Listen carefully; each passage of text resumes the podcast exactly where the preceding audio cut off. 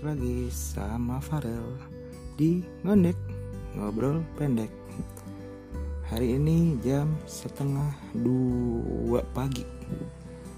Hari Rabu, eh Rabu, Jumat 26 April. Gua lagi di kantor. Gila. Gua lagi membantu untuk event yang hari ini nanti siang mau gue adakan di kantor bersama tim. Jadi hari ini ini jam segini nih lagi loading sound system. Nah jadi gue lagi nungguin sambil mereka masang-masang. Oh iya sama tadi. Ya jam tanggal 25 ya. Tanggal 25 gue nonton konser Yura Yunita. Keren banget asik banget. Dan lo baru lihat kayak apa satu band joget semua. Terus kalau ngomongin kualitas suara Yora ya udahlah ya nggak usah diragukan lagi ya. Itu suaranya udah buset ngaco lah.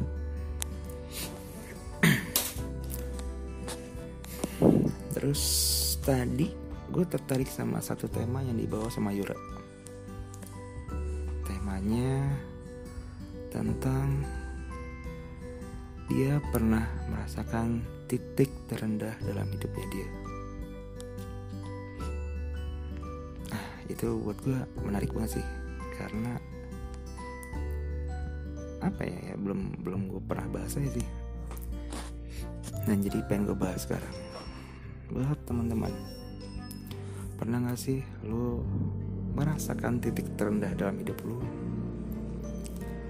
Baik, baik secara finansial ataupun secara mental health.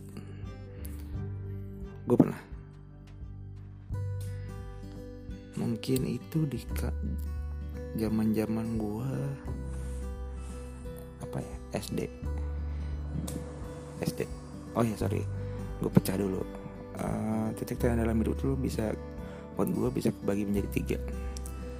Secara mental, secara finansial, atau secara asmara tergantung gimana lo menyikapinya. Kalau dipecah tiga itu mungkin gue pernah tiga-tiganya kali ya. Ya gue pernah tiga-tiganya.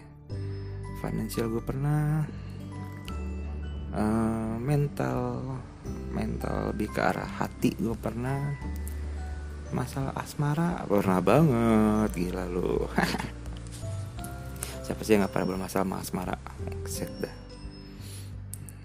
Terus di saat itu gue merasakan titik ah, gila itu kayak gue terpuruk banget.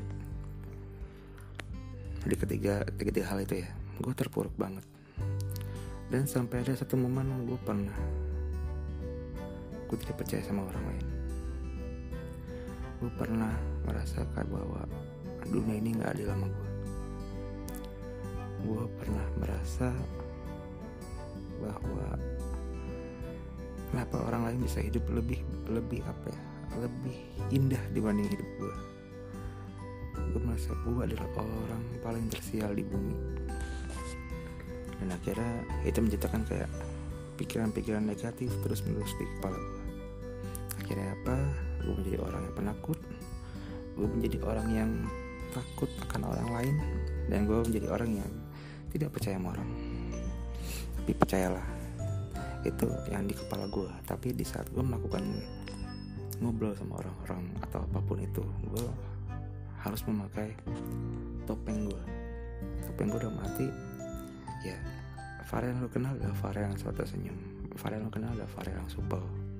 Tapi Farel yang lo, Farel yang lo kenal sebenarnya adalah Farel yang dulu pernah rapuh.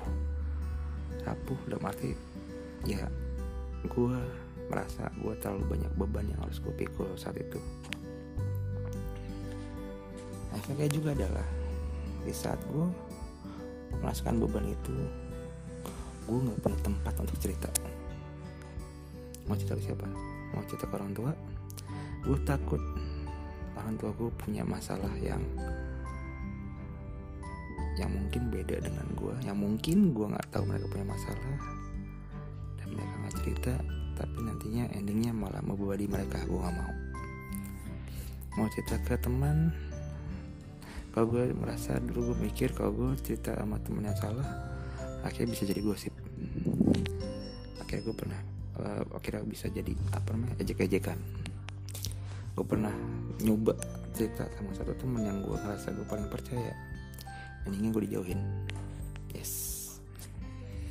Dan gue tidak gue tidak tidak apa ya tidak tidak menyalahkan sih pilihan kan cuman ternyata waktu gue mikir kayak oh gue milih orang yang salah. Kayak lagi kayak waktu itu gue pernah cerita deh tentang curhat. Apa pun yang gue curhatin berarti gue tahu resiko yang terjadi. Dan waktu itu gue siapin resiko gue yaitu mungkin gue dijauhin. Terus gimana cara lo lewat lewat? Wah lama bos. Gue mungkin baru mulai berdamai dengan dengan apa ya?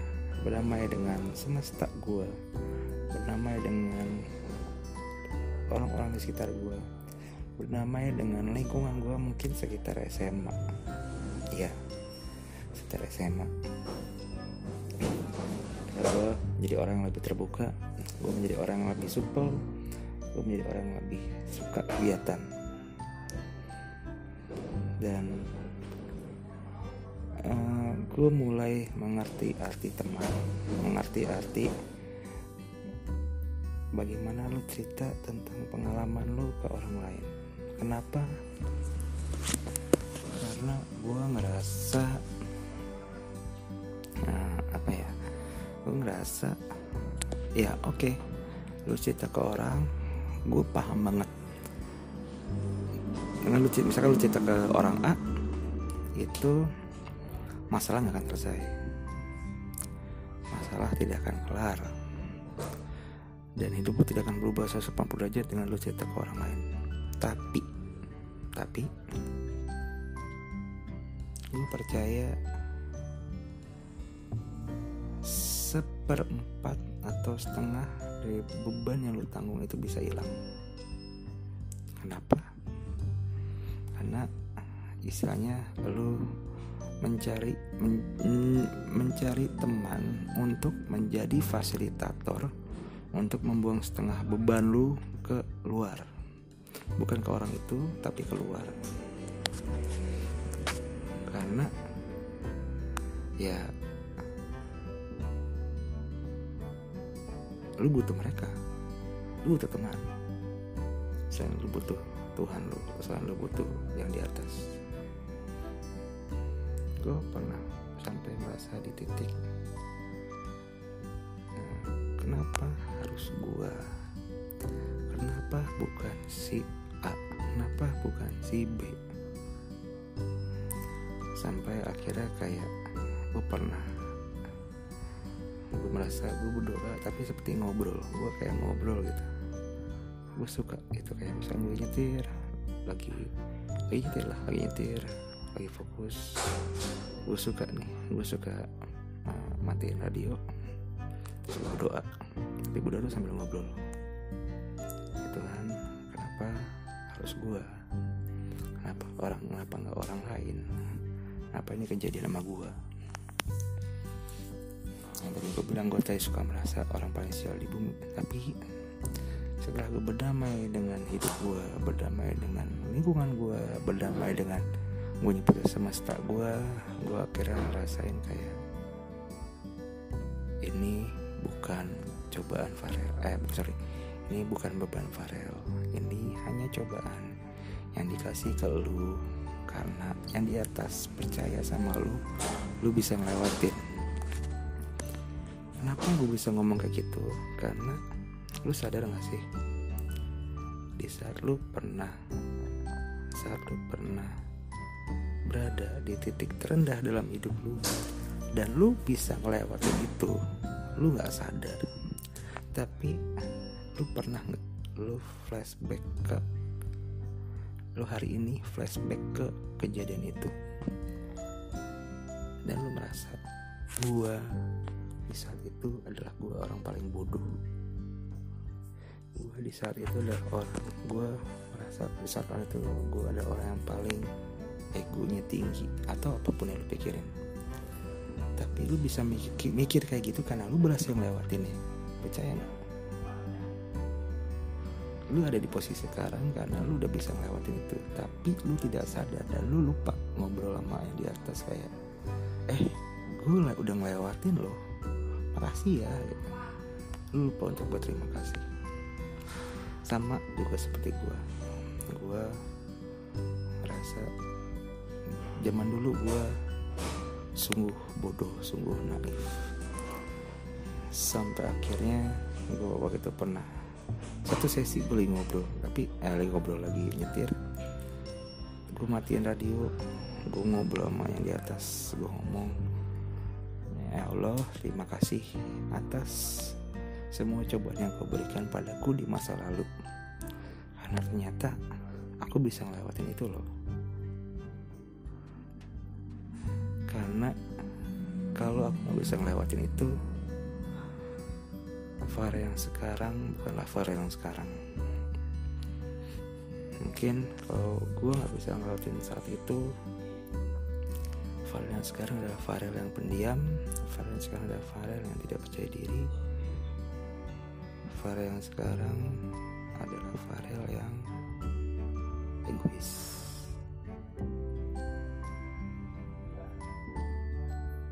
terus. Dan gue pernah gue pernah ada satu momen gue ngerasa apa yang gue inginkan itu pasti terkabul. Saya nggak? Naif gak sih gue ngomong gitu?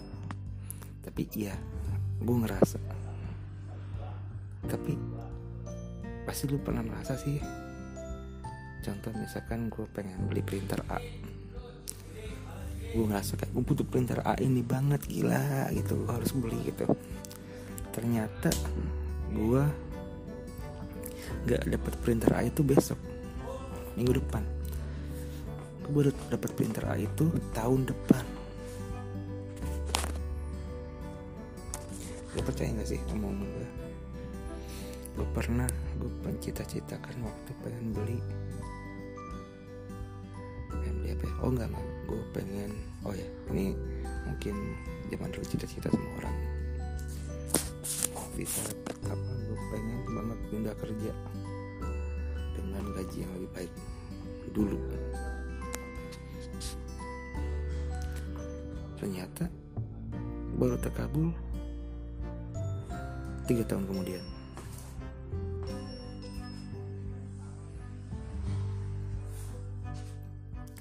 dan di saat gue apa ya istilahnya di saat gue dulu apa ya, tanda tangan atau tangan apa uh, surat penawaran gue tanda tangan semua jebret deal. Ya Farel minggu depan lu kerja mulai kerja di sini ya terima kasih banyak lalalala di hari itu juga gue apa ya nih ya gue ceritain sedikit gue ini adalah orang yang suka pelupa even lupa nama orang gitu. Tapi gue suka inget inget nama inget muka tapi nggak inget nama. Tapi di saat itu gue teringat doa gue ingat doa gue kayak eh gila ini kan yang dulu gue doain ini kan dulu yang gue cita-citain. Gila ya baru terwujud setelah tiga tahun.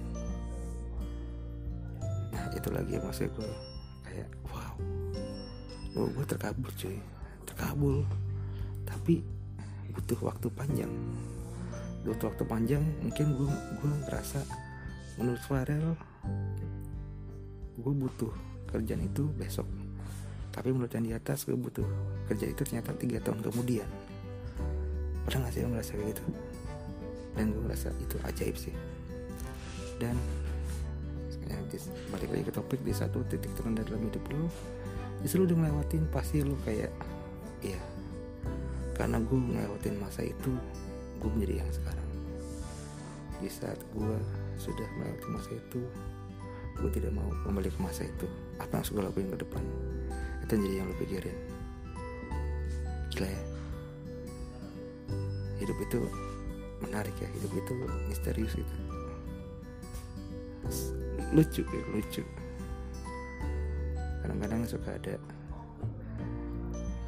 apa ya dulu suka punya istilah ternyata jawaban misteri itu lu nggak perlu jawaban misteri itu ada di depan mata tapi kadang-kadang lu lihat kiri kanan dulu padahal itu di depan mata. Ya itulah gue suka sih sama tadi si cerita cerita Yura akhirnya gue teringat gitu. Ternyata menyentil kembali memori gue tentang titik terendah dalam hidup gue dan gue pengen share ini ke teman-teman. Share Marti gue pengen tahu sih di saat lu sekarang sudah berada di titik yang baik lu pernah ngasih flashback ke zaman dulu uh, di zaman titik terendah dalam hidup lu dan lu pernah nggak di saat lu flashback itu lu bersyukur? Ya gue ada sekarang karena gue pernah melewati masa itu hingga membentuk gue menjadi orang yang seperti sekarang. Gue pengen ngajak lu semua yuk nengok dikit sebentar ke belakang. Lihat masa lalu lihat masa titik terendah dalam hidup lu. Dan sekarang lo ngomong ya gue ada di sini karena gue sudah melewati itu. Gue terbentuk seperti sekarang karena gue sudah melewati hal itu. Dan ke depannya gue tidak mau hal itu terjadi di masa depan gue dan gue harus ngelakuin ini ini ini ini. Gila ya pagi-pagi buta ah, ngomongnya serius banget. Tapi ya udahlah kami juga ngondek ngobrol pendek. Apa nyari di otak gue kita obrolin oke okay, mungkin ini mulai sepi-sepi lucu nih. Gue ngeliat lagi sound sistemnya apakah sudah berjalan dengan lancar? Kita bertemu lagi di episode berikutnya dari ngondek ngobrol pendek. Bye guys